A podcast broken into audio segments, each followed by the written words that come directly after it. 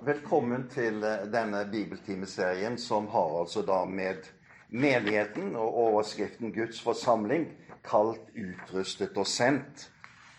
Åtte timer har vi satt av til det. Det kunne vært flere, for temaet er mer omfattende enn det som kommer til uttrykk på disse åtte timene. Men vi berører en del viktige ting, tror jeg. Og så kan det hende at eh, jeg får komme tilbake til andre ting senere. Eh, vi håper at vi jevnt over får dette opplegget som nå er skissert på disse åtte timene. Men det kan bli noen små endringer. Vi vet aldri hvordan måte, utviklingen blir for den enkelte. Det kan komme ting i veien, det kan komme sykdom osv. Men vi planlegger slik som det er beskrevet så ber vi litt først. Vi takker deg, Herre Jesus, fordi at vi får nettopp samles i ditt navn. Og Da vet vi, Herre, at uh, du er oss nær.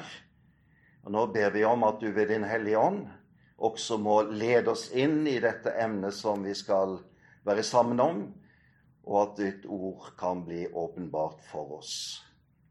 Amen. Menigheten etter Guds ord er altså da tema på den første samlingen vår. Og det er vel slik for de fleste av oss at det øyeblikk vi tenker på menigheten, så påvirkes vi i vår tanke og forståelse av de tradisjoner vi har vokst opp innenfor. Det vi har erfart, det vi har levd innenfor. Slik er det alltid i livet. Og i den norske tradisjonen vår så er det gjerne to arenaer som har vært på en måte stedet for menighetens virksomhet. På den ene siden så er det altså da Den norske kirke med sin gudstjeneste og etter hvert med sine mange forskjellige aktiviteter.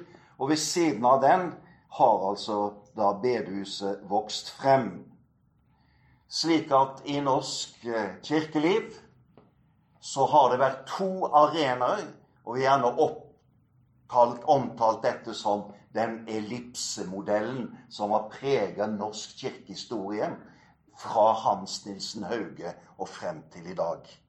Den ene senteret er altså gudstjenesten og eh, Den norske kirkes virksomhet regulert ved lover osv. Og den andre har vært da den frie virksomheten knyttet til bedehuset og bedehusets virksomhet. Dette er altså en tradisjon som er litt spesiell i den norske sammenhengen. Og den går altså tilbake egentlig til Hans Nilsen Hauge, da han etablerte det såkalte vennesamfunnet sine. Det ble en debatt om denne modellen eh, litt utover på 1800-tallet. fordi at da spurte man seg er det riktig at politiske valgte organ som storting og regjering skal bestemme over hva Kirken er, og hva den skal gjøre. Det kom opp som en voldsom debatt på 1860-70-tallet.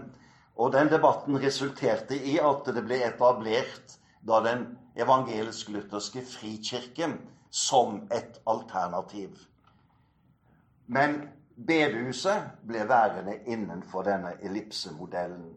Slik at det ble et mindretall som gikk over da i den lutherske frikirke som vi kjenner til.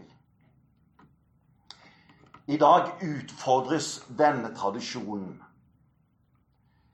av flere forhold, men fremfor alt så utfordres den av unge familier som opplever at det å leve på to arenaer, slik at du er på en måte på søndagsformer ved gudstjenesten i kirken og på søndagskveld på bedehuset, det er blitt vanskeligere og vanskeligere for unge mennesker i deres livssituasjon. Med barn, med yrke osv. Så, videre, så er det blitt flere og flere da som har valgt ett sted å høre til. Ved siden av det så er det nok også denne utviklingen i Den norske kirken som har vært med på å endre en rekke personer, sine holdninger og oppfatninger, fordi at det som har skjedd i det teologiske landskapet i vårt land, særlig de siste 30 årene, har påvirket hva vi tenker om kristen virksomhet, dens forankring, dens oppdrag. På bakgrunn av slike erfaringer som vi alle lever, har levd med, og jeg har levd i denne ellipsemodellen mange, mange år av mitt liv, eh, inntil på en måte den gikk i oppløsning for meg sjøl. Og har altså da nå hele min virksomhet og hele mitt åndelige hjem i Bergens Indremisjon. Så spør en da hva er det så Bibelen sier og tenker om det å være en Guds forsamling, en Guds menighet? Hva er det Guds ord lærer oss og veileder oss på dette området? Og Jeg vil gjerne ta utgangspunkt da først i en tekst fra Matteusevangeliet kapittel 16, som egentlig er den første teksten i Det nye testamentet som berører det temaet som også samler oss nå. Det er fra eh, kapittel 16 og situasjonen eh, at Jesus er på slutten av sin offentlige virksomhet. Og han har da tatt disiplene med seg opp til den nordlige del av Galilea. Han er omkring det som den gang var altså Cesarea Filippi, til forskjell med Cesarea ved havet, som lå da ute ved Middelhavet. Der er han sammen med sine disipler, og hele den livsvandringen som da finner sted ifra de er samla der nord i Galilea, til det ende Jerusalem, er en slik læresituasjon hvor disiplene føres inn i den situasjon at Jesus skal forlate dem, og de skal stå tilbake med et oppdrag.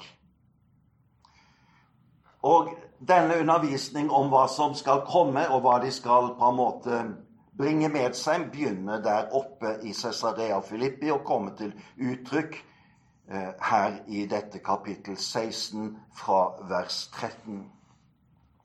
Vi kan godt lese de versene nedover der, slik at eh, vi har de med oss i tanken og hodet. Da Jesus kom til distriktet rundt Cesarea Filippi, spurte han disiplene sine, hvem sier folk at menneskesønnen er? De svarte, noen sier døperen Johannes, andre Elia og andre igjen Jeremia eller en annen av profetene. Og dere, spurte han, hvem sier dere at jeg er? Da svarte Simon Peter, du er Messias, den levende Guds sønn. Jesus tok til orde og sa, salig er du, Simons sønn av Jonah. For dette har ikke kjøtt og blod åpenbart deg, men min far i himmelen.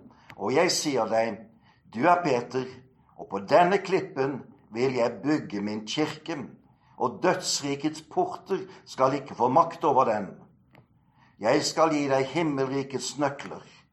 Det du binder på jorden, skal være bundet i himmelen, og det du løser på jorden, skal være løst i himmelen. Så påla han disiplene ikke å si til noen at han var Messias. Også i kapittel 18 er han inne på noe av det som hører med til hva en kirke er. Og da er overskriften egentlig på det avsnittet kirketukt. Det skal vi bare kort berøre etter hvert. Men på begge de stedene, altså i Matteus 16 og i kapittel 18, brukes et ord som her er oversatt med 'min kirke' eller 'kirke'. Hva er det for et begrep? På gresk er det brukt ordet 'eklesia'. Det kommer av et ord som betyr å kalle ut. Ek betyr ut, kaleo er å kalle. Og det betyr da ordrett 'de utkalte'. Og hvem er disse de utkalte? Ordet i Det gamle testamentet for dette greske ordet er kahal, og det går på når israelsfolket er kalt ut til et møte med Gud, da er det at en eklasia etableres. Så menigheten er de utkalte. De som er kalt ut for å møte Gud, og dermed stå overfor Gud og det Gud vil gi. Og så ser vi her hvordan Jesus da formulerer seg. Jeg vil bygge min kirke. Jeg, det handlende subjekt av Jesus selv. Og denne kirken kalles altså min kirke, Jesu kirke, Guds kirke slik at eiendomsforholdet mellom de utkalte og vår himmelske Far og Jesus Kristus er slik at denne kirke bygger han, og han kaller det min kirke.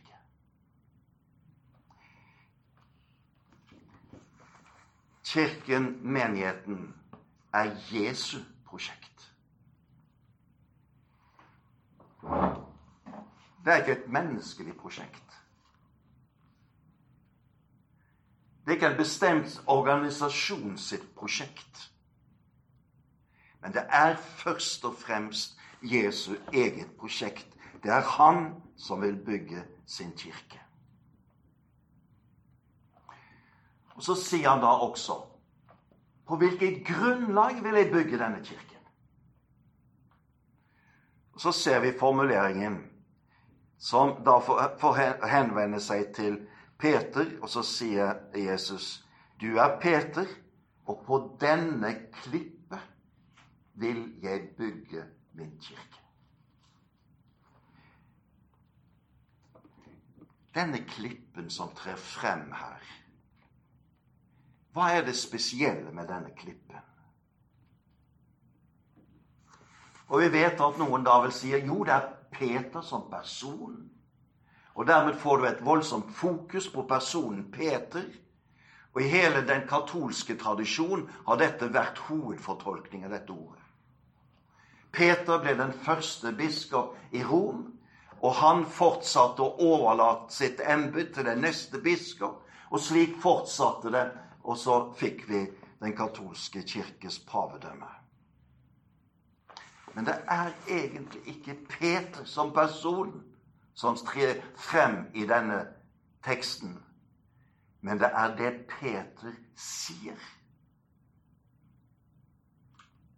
For hvorfor er det at Peter trekkes frem, og Jesus knytter det På denne klippet vil jeg bygge min kirke. Det er fordi at Peter er bærer av en bekjennelse. Hele teksten er konsentrert om spørsmålet Hvem er Jesus? Så sier disiplene hva folket sier og tenker, og så er det at Peter kommer med denne bekjennelsen Du er Messias, den levende Guds sønn. Det er klippegrunnen. Det er Jesus selv og bekjennelsen til ham som også blir denne kirkes grunn.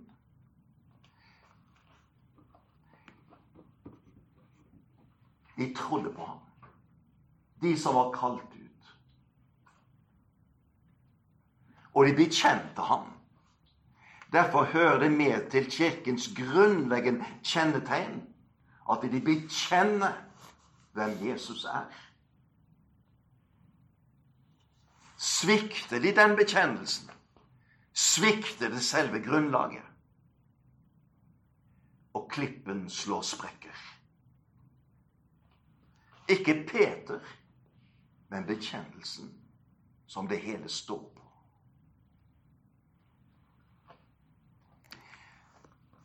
Og så legger vi merke til at da Jesus omtaler dette, så understreker han at dette har ikke kjøtt og blod åpenbart for deg, men min far i himmelen. Denne bekjennelsen, som bekjenner Jesus, hvem han er, er altså ikke noe som vokser frem fra Peters egen tankeverden. Men det er altså noe som åpenbares for ham som enestående, slik at det blir på en måte et slør som trekkes til sides. Og så ser Peter inn i den Guds verden og den Guds handlemåte som kommer til uttrykk i Jesus Kristus. Og så ser han og kan bekjenne. Slik er det med den bekjennelsen som Kirken bekjenner. Den er ikke konstruert og laget slik at det er menneskets tanker og forestillinger som på en måte har summert opp, og så er det blitt en bekjennelse ut av det. Men det er en konsentrasjon om det som Gud har åpenbart, og som blir uttrykt i ord. Men uten denne avsløring som åpenbaringen representerer, så hadde de ikke visst hvem Jesus var. Og uten forankring i denne åpenbaring har vi som menighet ingenting å bringe frem. Da har vi bare egne tanker. Da er vi som et hvilket som helst interessefellesskap som finnes omkring mange forskjellige ting i denne verden. Men menighetens oppdrag er å bekjenne den åpenbaring som har funnet sted, og som har Jesus Kristus i sentrum, og som sier 'Han er det som er Messias, den levende Guds sønn'. Det er noe av det samme som da Paulus sier at kirken er bygd på apostlene og profetenes grunnvoll. Hva var apostlene og profetenes oppdrag? Jo, det var å bringe frem det Gud hadde talt til dem. Den åpenbaringen de hadde fått del i. På det grunnlag er det altså at Kirken bygges. Svikter det her, så bygger en forgjeves.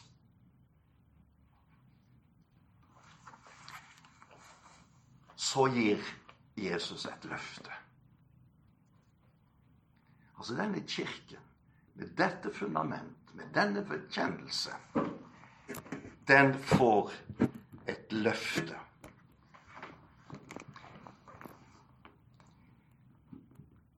Og på denne klippen vil jeg bygge min kirke, og dødsrikets porter skal ikke få makt over det.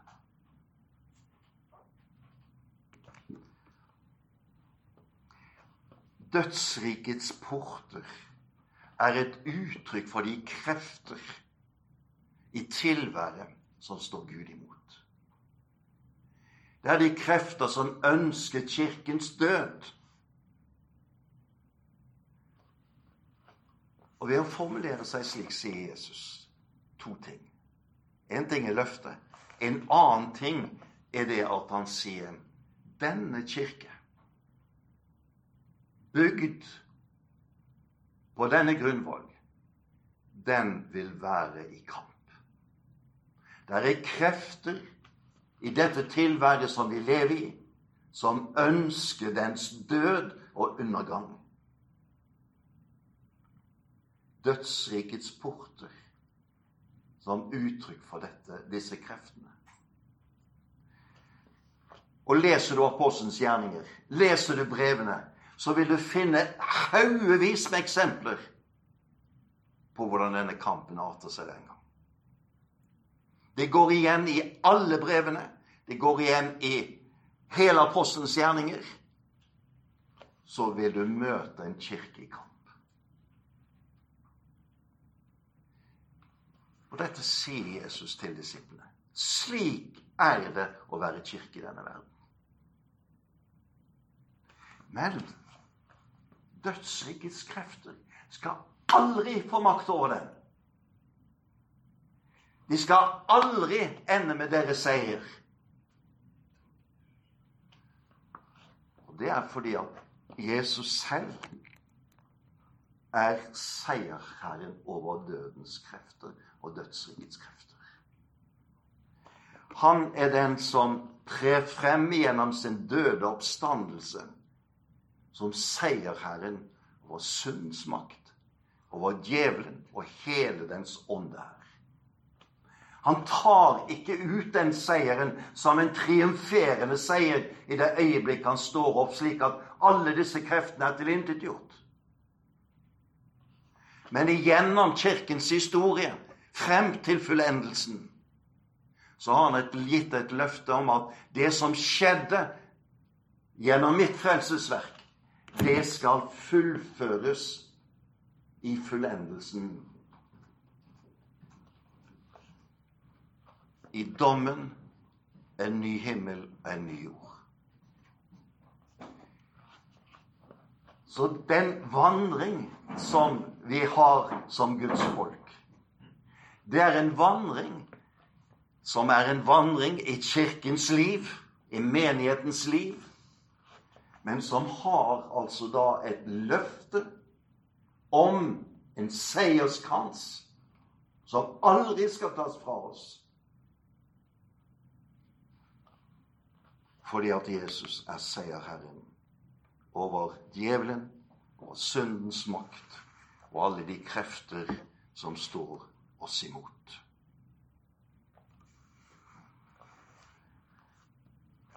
Så det er en ting til i denne teksten.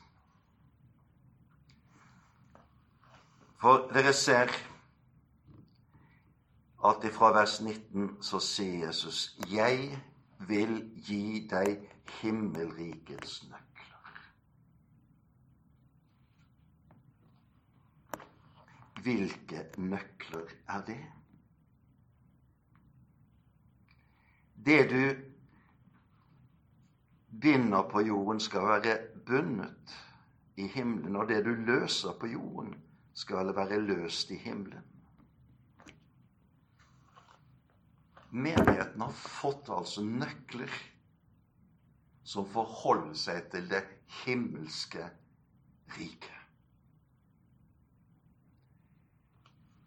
Hva er det som låser opp himmelrikets port?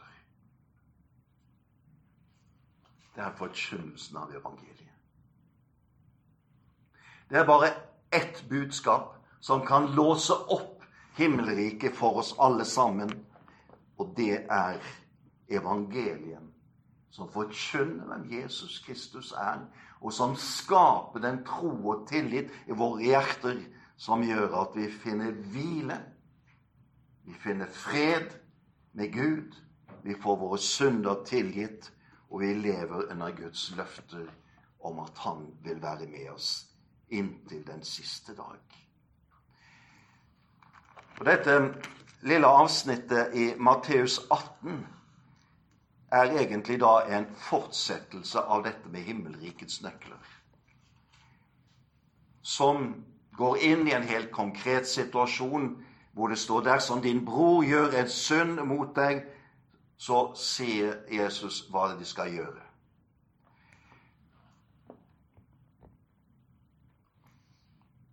Og så ender dette avsnittet ut med fra vers 18 og videre. Sannelig, jeg sier dere, alt det dere binder på jorden, skal være bundet i himmelen, og alt det dere løser på jorden, skal være løst i himmelen. Også dette sier jeg dere, dersom to av dere, to av dere her på jorden blir enige og ber om noe, hva den er, så skal dere få det av min Far i himmelen.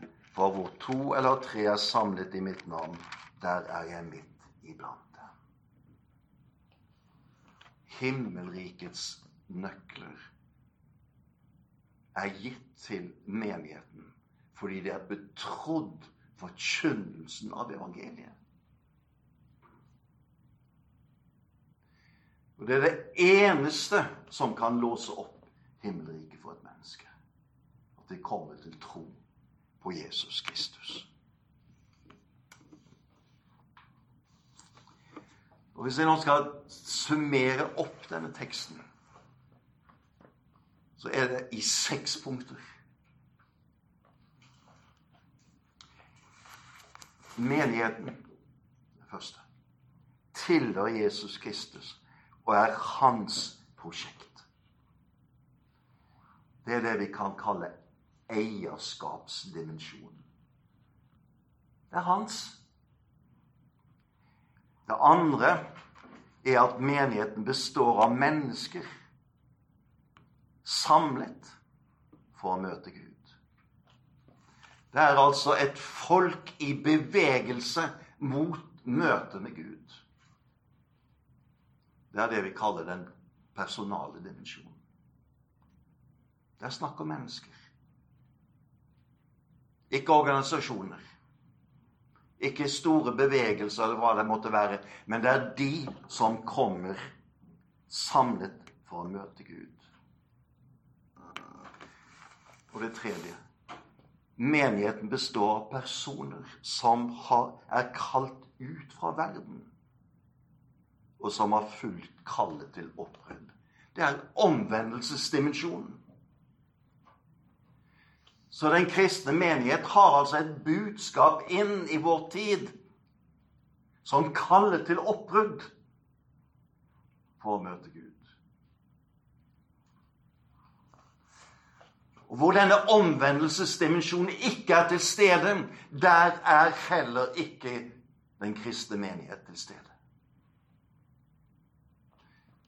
Og Følger du apostelens gjerninger, som er den første tiden hvor du bretter ut konsekvensene av dette, så vil du se hvordan dette budskapet går igjen.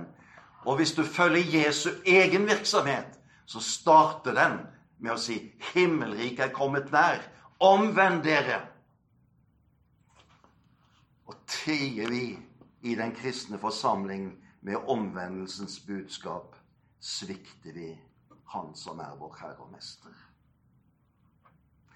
Det fjerde det er at menighetens grunnvoll er bekjennelsen til Jesus Kristus, forankret i åpenbaringen av ham. Det er bekjennelsesdimensjonen. Og det femte det er at menigheten vil i denne verden alltid være i en kampsituasjon hvor den falne verdens krefter søker å få makt over den kristne kirke. Men aldri skal det skje med den kirke som Jesus kaller sin. Det er kamp- og seiermotivet. Og det sjette menighetens porter og himmelrikets porter åpnes ved evangeliet. Det er menighetens gavedimensjon. Vi har noe å gi som åpner himmelriket.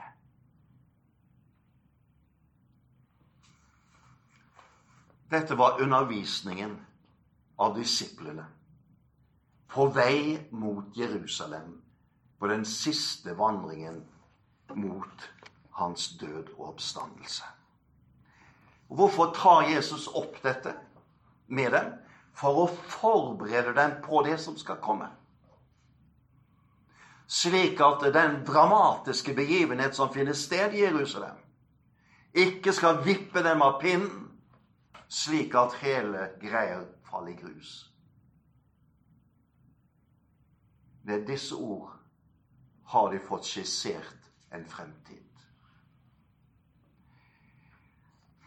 Beveger vi oss nå til Paulus, så møter vi altså hos Paulus og hans virksomhet og hans brever en utfoldelse av det når Jesus har sagt til disiplene i konsentrert form. Og Jeg skal bare stanse for noen sider ved Paulus. Og Jeg begynner med innledningen til brevet til menigheten i Korint, kapittel 1.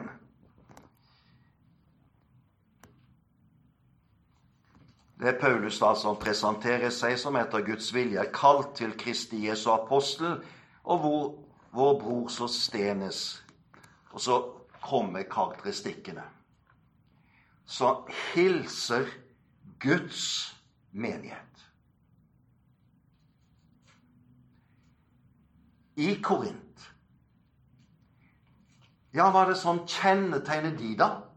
Jo, dere som er helliget i Kristus Jesus, og kalt til å være hellige sammen med alle som hver på sitt sted påkaller vår Herre Jesu Kristi navn.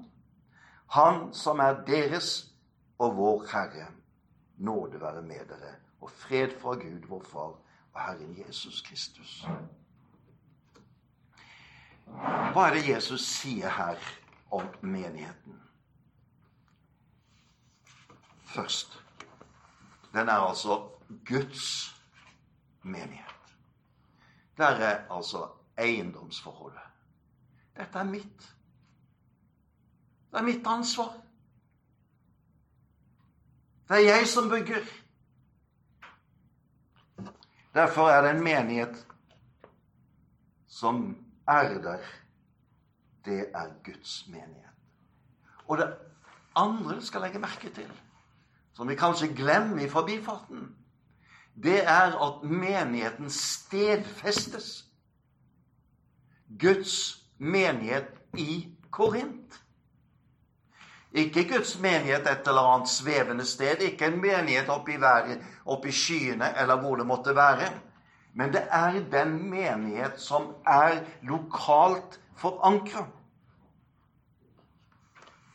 Og Det er derfor jeg sier der finnes ingen menighetsvekst uten at den er lokal. Der finnes ingen menighet uten at de samles lokalt. Det er her hvor Guds folk samles, på dette sted, at det skjer.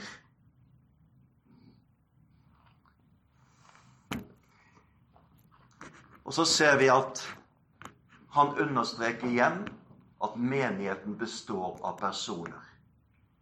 Og Det kommer til uttrykk i det personlige pronomen 'dere'.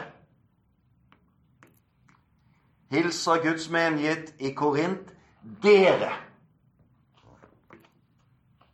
Dere som leser, dere som hører. De personer. Det er altså ikke en organisasjon,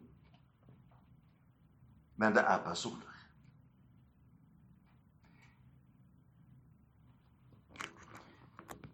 Og så karakteriseres disse personene.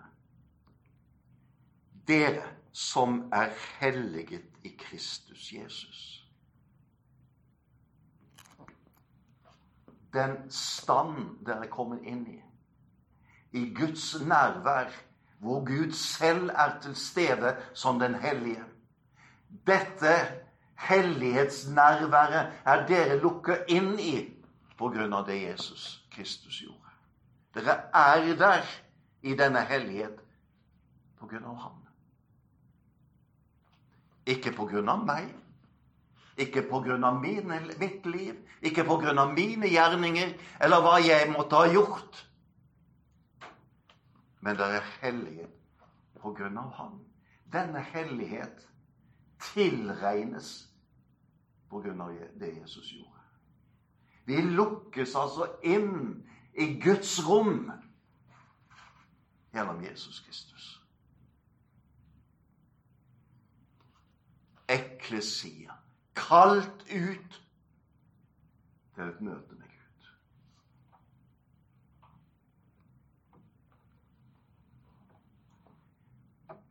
Og så ser dere fortsettelsen. Og kalt til å være hellige.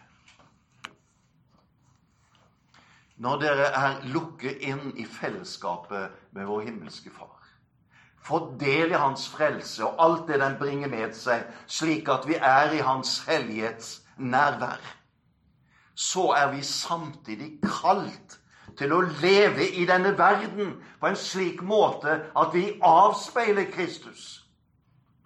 Derfor er vi kalt til å være hellige.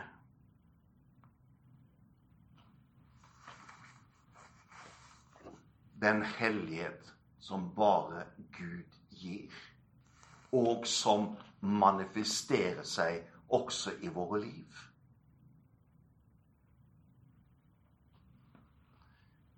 Og det Paulus da sier, det at det å tilhøre menigheten, å være utkalt av verden og inn til Guds nærvær, betyr også at livet ditt forvandles.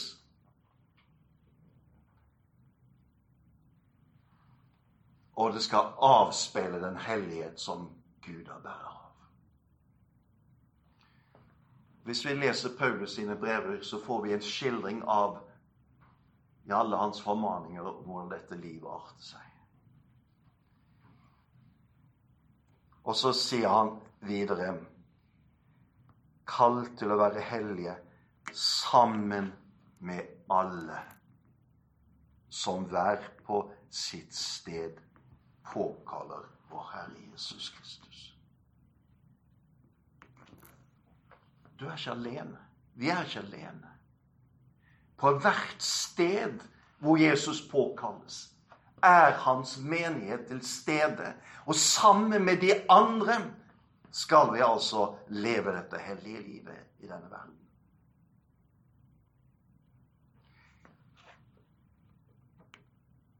Guds menighet på hvert et sted i hele denne verden. Og Det er det vi kan oppleve når vi er ute på reise. Komme et sted, søke til gudstjenesten. Så møter vi et folk som bekjenner Jesu navn, og som følger ham og vil være blant de som er kalt til å leve hellig.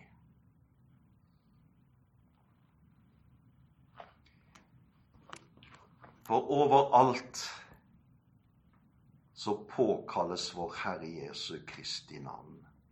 Han som er deres og vår Herre. I denne menigheten lyder det altså da en påkallelse på Herren.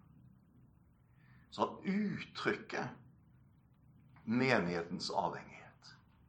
Hvorfor trenger vi Han som Herre? Fordi at Han sitter med all kunnskap, visdom og forstand. Det er hos Han vi har alt som kristne. Og Da skal du legge merke til at dette kapittel 1 avsluttes nettopp med å understreke denne dimensjonen.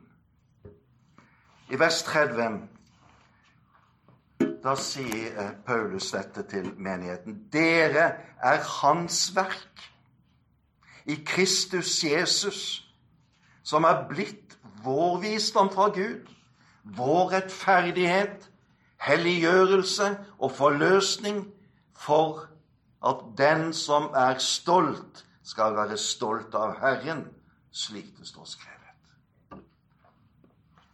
Altså en uendelig rikdom som er gitt oss i Jesus Kristus. Hans ble vårt.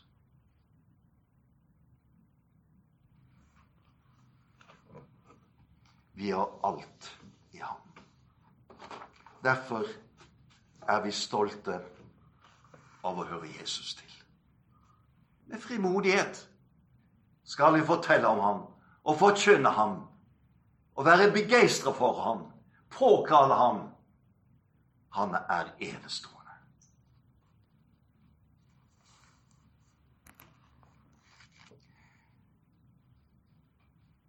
Og La meg også da avslutte med et punkt som sier noe om fellesskapsdimensjonen. Dere, det er et flertallspronomen.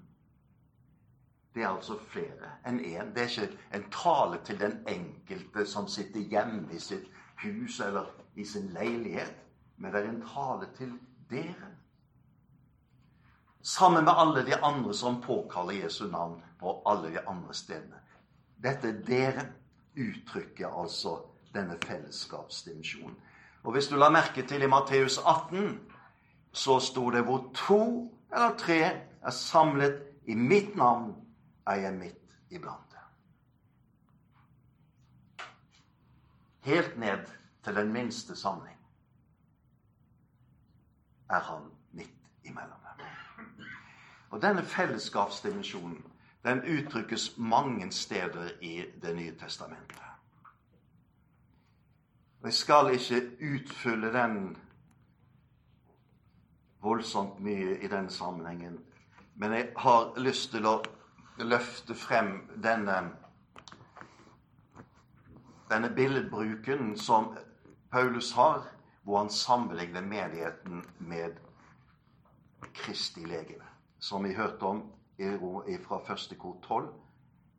Menigheten er Kristi legeme.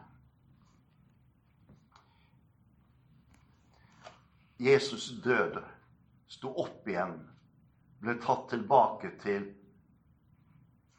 den usynlige himmelske verden. Og samtidig sier han 'Jeg er nær'. Og helt sentralt i dette nærvær, i denne verden, i denne tid vi lever i, er altså menigheten som Kristi legeme.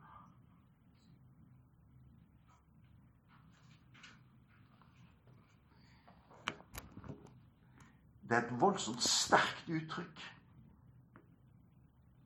om den kristne menighet.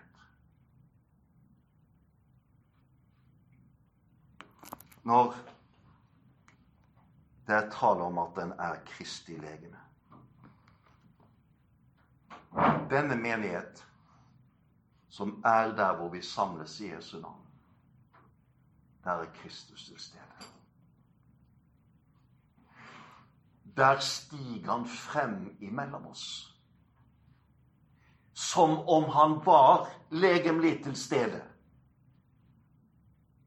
For gjennom de personer som er kommet til tro på ham og forent med Kristus, stiger altså Kristus frem.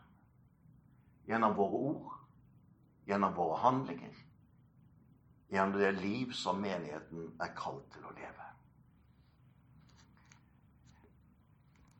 Dette uttrykket 'Kristi legeme', eller hode og legeme, som det også omtales som, er jo nevnt flere steder. Vi skal ikke utdype dette så grundig som jeg har gjort med de andre versene. Men jeg ønsker at vi skal legge merke til noe i Feserbrevet hvor dette uttrykket også er brukt, og som forteller oss at her står vi overfor en hemmelighet hvor vi trenger Åndens opplysning for å kunne se. Slutten på kapittel 1 i Efeserbrevet ender ut med dette uttrykket 'Alt la han under hans føtter', og han, hodet over alle ting, ga han til kirken, som er Kristi kropp, fullt av ham som fyller alt i alle. Der avslutter han et avsnitt. Foran her blir rikdommene i Kristus skildret. Og det er formulert som en bønn om at vi må få et øye som kan se det. Hvis du ser fra vers, eh, fra vers 18 Må Han gi dere lys til hjertets øye, så dere får innsikt i det håp Han har kalt dere til, hvor rik og herlig Hans arv er for de hellige, og hvor overveldende Hans kraft er hos oss som tror. Med denne veldige makt og styrke reiste han Kristus opp fra de døde og satte ham ved sin høyre hånd i himmelen, over alle makter og åndskrefter, over alt velde og herredømme, over alle navn som nevnes kan, ikke bare i denne tid, men også i den kommende. Alt la han under hans føtter. Og han, hodet over alle ting, ga han til kirken. Altså denne Kristus, den oppstandende, som har del i dette guddommelige herredømmet, han er altså gitt til menigheten. og fyller denne menighet. Så ber Paulus må dere få øyne som ser dette.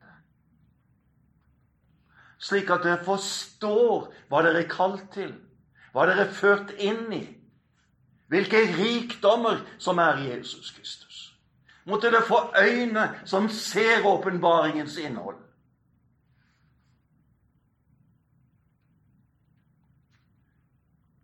Og det kjenner enhver av oss på at her er mye mer å se enn det jeg har sett inntil i dag. For rikdommen hos Han er så mye større enn det jeg kan fatte og forstå. Så denne bønnen er ikke bare en bønn bedt én gang, men det er en bønn som bes hele tiden.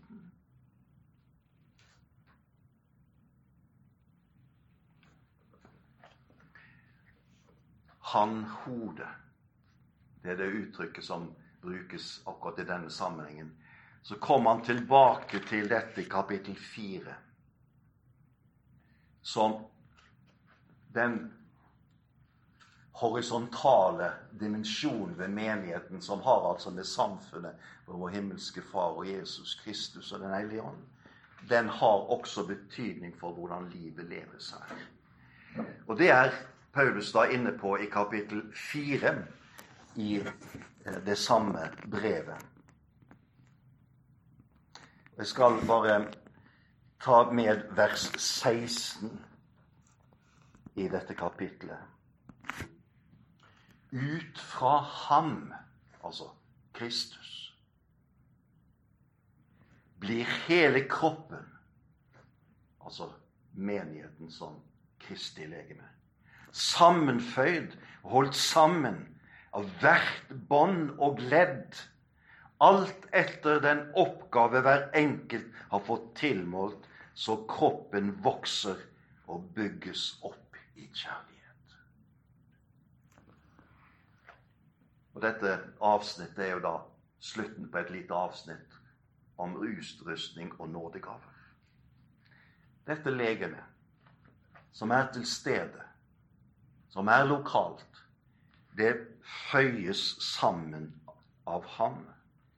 Og båndene som binder oss sammen, er de oppgaver hver enkelt får tilmålt. Så eksempelet du hadde, Ingebjørg, med ett lem, det tilhører kroppen. Og gjennom sin virksomhet uttrykker de enheten med kroppen med fellesskapet.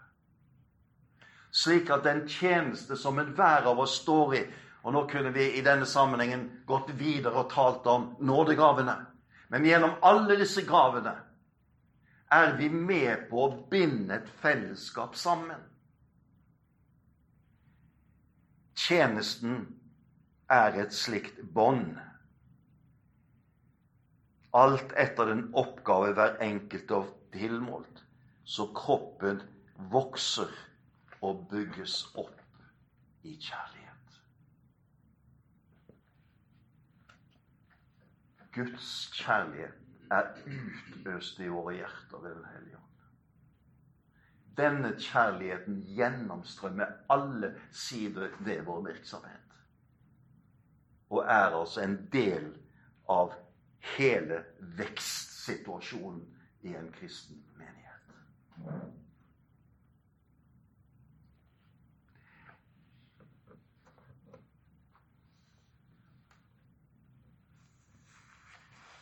Et siste uttrykk for denne fellesskapsdimensjonen er uttrykket Guds familie. Og også flere andre. Det går igjen i språkbruken mange steder. Og hvorfor kalles vi søsken? Fordi vi har et fellesskap i tilhørighet. Og vi er alle Guds barn av vår himmelske Far. Født på ny. Utrustet ved Den hellige ånd. I et samfunn med hverandre med vår himmelske Far.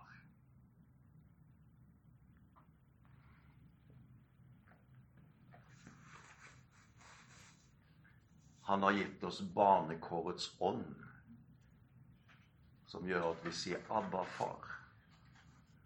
Har du dimensjonen opp mot Gud? Og gjennom denne dimensjonen får vi tjene å være til stede for hverandre i den kristne menighet. Søstre, brødre, søsken i den samme familien.